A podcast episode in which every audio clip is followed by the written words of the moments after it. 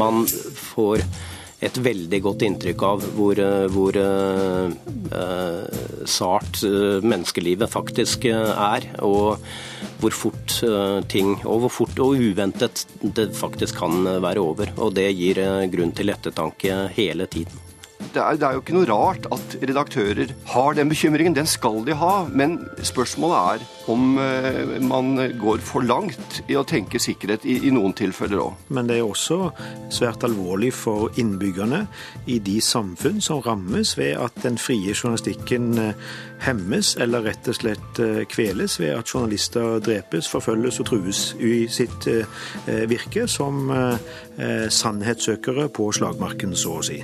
Kurer. NRK P2. I fjor ble 123 medieansatte drept som følge av målrettet vold, bomber og kryssild. Ifølge Den internasjonale journalistføderasjonen var de farligste regionene for journalister i 2013 Asia, Midtøsten og den arabiske verden. Det er Syria som topper den negative listen over de farligste land å jobbe i for journalister, med i alt 15 registrerte drap i fjor tett fulgt av Filippinene, Pakistan, Irak og India. Det er jo skremmende, men ikke overraskende. Det er jo en eh, trend vi har sett i noen år, at eh, journalister er angrepsmål fordi de er journalister. Og det er jo eh, synd for profesjonen, og det er synd for publikum, som dermed ikke får øyenvitner på stedet som kan rapportere troverdig, og blir mer avhengig av eh, partenes egen eh, framstilling, som vi vet alltid vil være propagandistisk og ensidig. Det sier professor i journalistikk ved Høgskolen i Oslo og Akershus, Rune Ottosen. Han mener at det arbeidet som blir gjort av uavhengige journalister i krigsområder, er svært så viktig. Jeg vil si det er nesten avgjørende, eh, fordi det er en eh, grunnregel i journalistikken at eh, kildearbeidet er viktig, og i en krigssone så er det ikke noe som kan erstatte eh, fullt ut at journalistene selv observerer, får nærkontakt med konflikten og setter seg inn i begge partenes syn. Eh, dess lengre du kommer unna eh, der dette foregår, dess større sjansen er for å bli feilinformert og villedet. Så jeg mener at det er eh, svært viktig, og vi har en tendens nå hvor det internasjonalt er generelt nedskjæring i bransjen på korrespondentvirksomhet. og Frilansere må i større grad ta eh, risiko og er ofte dårlig betalt. Så dette er en ond sirkel som eh, ser ut til å forsterkes. Eh, men, men er du optimist? Tror du at dette bildet kan forandre seg? Vel, altså Det som er viktig, er jo at dette i økende grad blir anerkjent internasjonalt som et problem. Allerede i 2006 fattet FN eh, en resolusjon, 1738, som skal sikre journalister i krigssoner. Og dette ble forsterket gjennom et nytt vedtak nå i eh, november 2013, og hvor man i økende grad setter også søkelyset på ikke bare regjeringer, men eh, radikale grupper som ser det som sitt mål. og og eh, gå løs på journalister, både fordi de ikke ønsker de der, og fordi det er en kilde til løsepenger. Kidnappinger er jo et eh, økende problem. Den internasjonale journalistføderasjonen rettet eh, ved årsskiftet en appell til regjeringer over hele verden om å straffeforfølge personer som utøver vold mot journalister og andre mediefolk. Tror du at en slik appell kan, kan hjelpe? Det er vanskelig å si om eh, hardbarkede kriminelle og, og, terrorister hører på det, men det er viktig å stadfeste det prinsipielle her. Eh, sånn at dette må gjentas, og det må eh, settes inn større arbeid på sikkerhet og trening eh, av journalister som skal i eh, krigssoner. Økt forsikringssum, slik at man kan sikre sin familie. Eh, bedre betalt av frilansere lokalt. Det er en rekke ting man kan gjøre, men eh, jeg tror ikke at sånne uttalelser vil overbevise de det gjelder. Men det gjelder å mobilisere en bevissthet rundt det. Når merket du at, en, eh, at journalister så å si ble fritt vilt i, i, i krigssoner? For går man litt tilbake i historien, så har man jo hatt ja, så å si at eh, frontene verner om journalistene, har i hvert fall gjort det. Hvor tid skjedde denne endringen? Det har jo historisk alltid vært farlig å være reporter i krigssone. Og, og, og, som du sier, så har det jo vært en, en beskyttelse av krigskorrespondenten som på en måte er formelt klarert, men, men, det er jo ikke I alle tider eh, hvor reportere har vært, har de vært, eh, har de vært uh, ofre og, og, og, mål. Men det har jo skjedd noe i løpet av de siste 20 årene, vil jeg si. En forrådelse. Og, og det som skjer i Syria nå, f.eks., og Irak før det, Eh, og Egypt ser man nå igjen en tendens til eh, at journalister er fritt vilt. Det er eh, I løpet av de siste fire-fem årene har det, har, det, har, har det, skjedd en forrådelse, men dette er en trend. Ja. Tror du at vi kan oppleve at store nyhetsorganisasjoner nå pga. den faren journalistene opplever på slagmarken, ikke vil sende inn sine folk? Dessverre så er nok det en naturlig konsekvens av det. Og det er jo bra at redaktører tar ansvaret for sine journalister. Men spørsmålet er om, om, man, om det er gått for langt i noen tilfeller òg. Vi har jo et nærliggende eksempel i Karsten Thomassen fra Dagbladet som mistet livet under tragiske omstendigheter eh, på jobb i Afghanistan, og etter det er det jo ikke tvil om at eh, norske redaktører har blitt mer tilbakeholdne. Og det eh, bety at eh, det blir mindre dekning fra konfliktsoner, og i dette tilfellet er det frilansere som Anders Schømme Hammer som, som tar ansvar for sin egen sikkerhet og gjør det likevel. Så spørsmålet er om det har gått for langt, også i forhold til og vurdere sikkerhet opp mot behovet for å sende folk til konfliktsoner. For to dager siden ble den kvinnelige redaktøren til avisa Primera Ora funnet halshugget i Mexico. Landet betegnes som det farligste stedet å drive journalistikk pga. narkotikakrigen. Norske myndigheter må protestere mot dødsdommen til en journalist i Afghanistan. Det krever både Amnesty og Norsk Presseforbund. I Syria er en irakisk fotograf bortført og drept av opprørere. Det sier organisasjonen Reportere uten grenser. Fotografen var på jobb for en spansk avis. Tre år etter borgerkrigen på Sri Lanka blir journalister fortsatt forfulgt og tvunget til taushet om regjeringens grusomme overgrep mot tamilene. Et lite knippe nyhetsoppslag om overgrep mot journalister. Norsk Journalistlag organiserer norske journalister. Thomas Spence leder organisasjonen, og han er svært så betenkt over situasjonen. Eh, det er jo svært trist. Det er jo en tragedie for de som direkte rammes, men det er også svært alvorlig for innbyggerne i de samfunn som rammes ved at den frie journalistikken eh, hemmes eller rett og slett eh, kveles ved at journalister drepes, forfølges og trues i sitt virke som sannhetssøkere på slagmarken, så å si. Har det vært en, en, en utvikling her hvor jeg håper å si, journalister eh, og mediefolk er gått fra å være øyenvitne til å bli målskiver for stridende parter? Ja, dessverre har den nok det. Eh, fra tiden opp til 2000-tallet eh, så ble journalister eh, i jobb respektert for å være nøytrale, uhildede iakttagere av det som skjedde, på lik linje med sivile og hjelpemannskaper.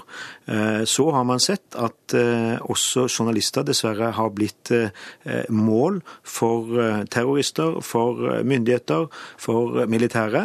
Vi så det bl.a. under Gaza-krigen, eh, hvor Israel også eh, målrettet eh, bombet og gikk til angrep på mediehovedkvarter. Det har også skjedd andre steder, og det er noe nytt og, svært trist. Hva gjør dette med journalistenes oppgave på, på slagmarken og i, i urolige områder? Ja, først og fremst er det blitt mye farligere, og derfor har eh, fornuftig nok eh, de fleste, om ikke alle medier, eh, valgt en mer restriktiv linje, slik at det er færre journalister ute i krigssoner og konfliktsoner enn det var tidligere, rett og slett fordi man er blitt et mer eh, bevisst mål. Og Det betyr jo igjen at verden rundt får mindre informasjon, fakta, mindre forståelse av hva som skjer. Og det igjen fører til at det blir både mindre oppmerksomhet, som kan føre til hjelp, bistand, og mindre press på de krigførende parter, og sånn sett enda større lidelser for sivilbefolkningen. Enda større og enda mer langvarige enn de ellers ville blitt. Nå har Den internasjonale eh, journalistføderasjonen kommet med en eh, appell til regjeringer over hele verden om å straffeforfølge personer som utøver vold mot journalister og andre mediefolk. Tror du dette vil hjelpe noe særlig? Jeg tror det, og vi må iallfall håpe det. Og vi vil jo tro at alle gode krefter må slutte opp om eh, denne kampanjens mål. Dessverre er det også både myndigheter eh, og militære som, eh, som bevisst lar skyldige i angrep, trusler, vold og endog da drap på journalister slippe fri. Og det er klart at Vi må jo kreve at de som begår slike kriminelle handlinger, må stilles til ansvar. Både for den gjerningen de har gjort, men også for å forhindre at eh, andre skal følge opp med, eh, med, med trusler, som igjen fører til mindre ytringsfrihet, mindre informasjon og større lidelser for sivilbefolkningen.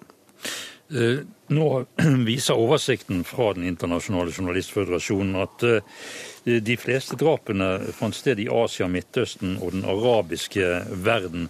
Men også land som Mexico og eh, en del av eh, den tidligere eh, østblokken, eller Russland, eller Sovjet, det gamle Sovjet, inklusivt Russland, har det jo også skjedd eh, forbrytelser mot journalister på, på jobb. Dessverre er det jo slik at journalister eh, forfølges, trues og da endog drepes egentlig over hele kloden. Det er vel vi her oppe i det høye nord i Vest-Europa som går helt fri. Eh, Asia, Afrika, Midtøsten, Latin-Amerika. Alle kontinentene her er eh, rammet. Det verste landet er jo nå Syria, men du har også Filippinene og Pakistan, hvor årets første journalist dessverre allerede er drept. Så det eh, overrasker for så vidt ikke, og samtidig viser det jo bare at det her må alle gode krefter samle seg om å prøve å få stanset og demmet opp for disse tendensene.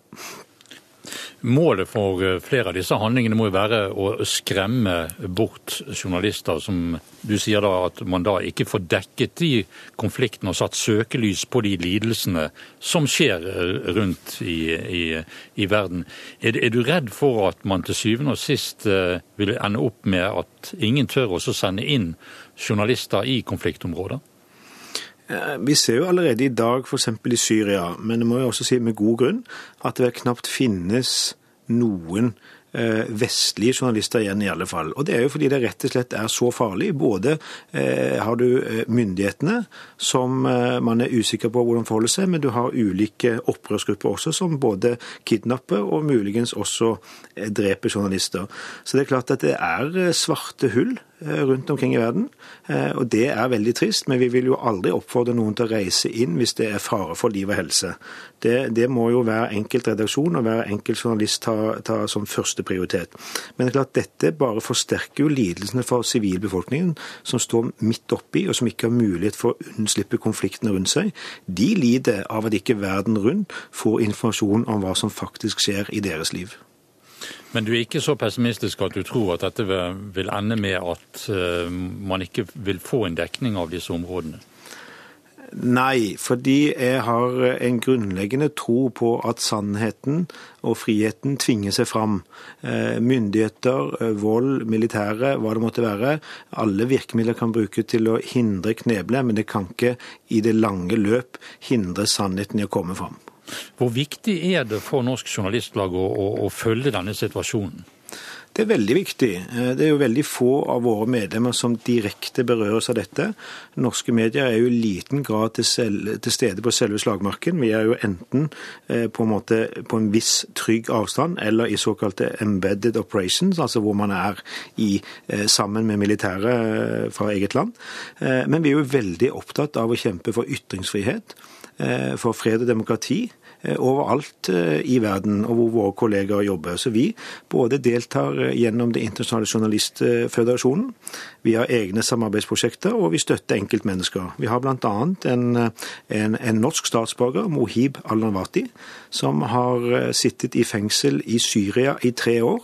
Eh, vi har, eh, hadde like før jul en markering for ham sammen med familien for å skape eh, økt oppmerksomhet og press mot syriske myndigheter for å ta ansvar for ham, for å slippe ham fri og få ham hjem til familien, som venter nå for fjerde år på rad. Den internasjonale journalistføderasjonen, IFJ, følger situasjonen til journalister som arbeider i konfliktområder, nøye. Det forteller presidenten i IFJ, Jim Bomela, som karakteriserer situasjonen på denne måten. Uh, the situation overall throughout the world has become catastrophic for journalists in terms of the numbers uh, that are dying every year.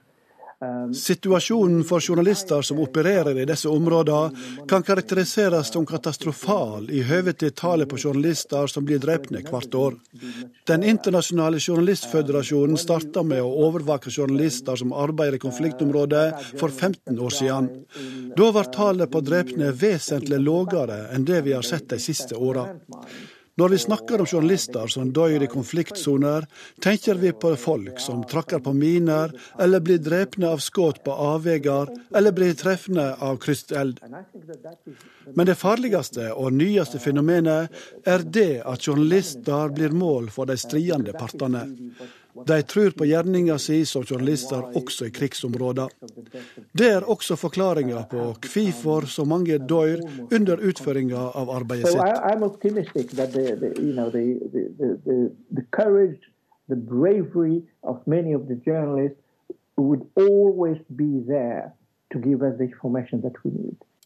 Harald Henden har over 25 års sammenhengende erfaring som fotograf i krig og katastrofer for VG. Han er hedret med mange nasjonale og internasjonale priser for sitt arbeid. Han er svært bekymret for arbeidssituasjonen for journalister i konfliktområder. Nei, det, det, er jo en uh, tragedie uh, for de som blir rammet og deres familier. Uh, men det er også en, en tragedie og et stort problem for journalistikken som sådan. fordi det vil umiddelbart legge begrensninger på, på en fri og uavhengig rapportering fra de områdene som er mest utsatt. Eh, som sagt så har jo du holdt på med dette her i, i flere tiår. Og, og nå merket du at uh, journalister på jobb ble nærmest et slags legitimt uh, mål? Veldig mye forandret seg uh, under krigen på Balkan på 90-tallet. Da spesielt Bosnia, Slovenia og Kroatia i 91-92 ehm, så kunne vi rapportere relativt eh, fritt. Eh, faktisk både fra f.eks. kroatisk og serbisk side. Eh, jeg dro f.eks. til, til Vukovar på slutten av kamphandlingene der, fra den serbiske siden. Men da Bosnia startet i våren 92 og, og de neste tre årene, så forandret veldig mye seg. Da begynte journalister å bli et mål i seg selv. Du, du, du, kjenner jo veldig mange av de som drar til disse områdene hvor det er uro og, og, og katastrofer. Har det gjennom den tiden du har uh, operert, uh, vært mange av dine kollegaer uh, og kjente som, som, har mistet livet under arbeid? Ja, det har det. F.eks. i 2003 eh, så mistet jo Julio Parado og eh, Christian Liebig eh, livet i utkanten av eh, Bagdad. Det var to journalister jeg jobbet sammen med under den amerikanske invasjonen. Eh, I Libya eh, for et par år siden så mistet eh, Chris Hondros, som jeg har arbeidet mye sammen med, og Tim Hetherington, som var Oscar-nominert for en dokumentar han laget i Afghanistan, livet. Så det har skjedd, og det har skjedd flere ganger. Har du noen gang vært der at du har vært i et område og, som du sier, gått vekk fra det, trukket deg tilbake, for her er det rett og slett for, for farlig? Ja, det har jeg vært flere ganger. Um, I Libya f.eks. Uh, uh, når uh, opprørerne prøvde å, trenge vestover mot uh, Misrata, så var det et område som kunne være såpass risikabelt at man, man trekker seg ut. Så det er noe man hele tiden gjør en, en kontinuerlig vurdering av. Hvor viktig er det å ha, ha kjent folk uh, som, nærmest som guider? Du understreket jo i sted at uh, det var veldig viktig å ha, ha, folk man kunne stole på og uh, samarbeide med. Det er alfa og omega i disse situasjonene. Det er helt avgjørende. Eh, folk som kjenner eh, forholdene på bakken eh, så godt som overhodet mulig, som har kontaktene, som har nettverket, som kjenner veinettet, som vet hvilke grupper som kontrollerer hvilke områder. Det er utrolig viktig. For noe av den store belastningen f.eks. i disse områdene, det er å nærme seg en veisperring der du ikke vet hvem som kontrollerer den veisperringen. Eh, det er en uhyre ubehagelig eh, situasjon der spenningsnivået er ekstremt høyt. Hvis man kan arbeide sammen med lokale eh, som kjenner de forholdene, så, så letter det situasjonen veldig. Men hvem er disse journalistene, hvem er disse fotografene som, som tar disse jobbene som vi andre betakker oss nærmest fra å, å, å gjøre pga. Av, av risikoen. Hvordan er bevisstheten deres om den rollen de, de, de har?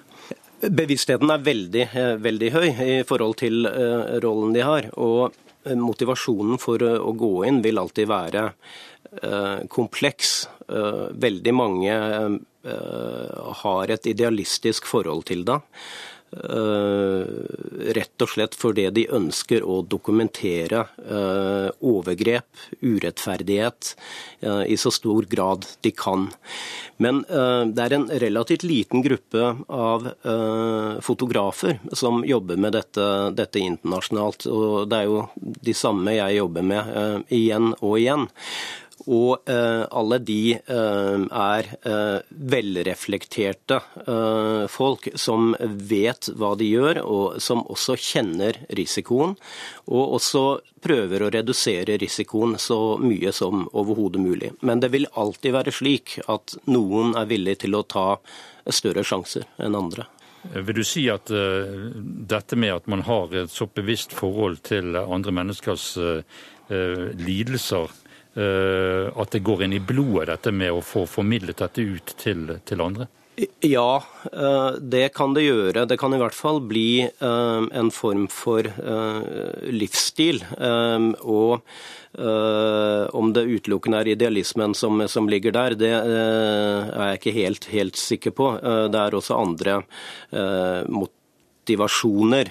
Men at, at uh, suget, uh, draget mot disse stedene, kan, kan, ligge der, helt klart. Det kan være slik at, at det kan nærmest være mer belastende å, være hjemme når du ser at dine venner og kolleger er på plass et sted, faktisk.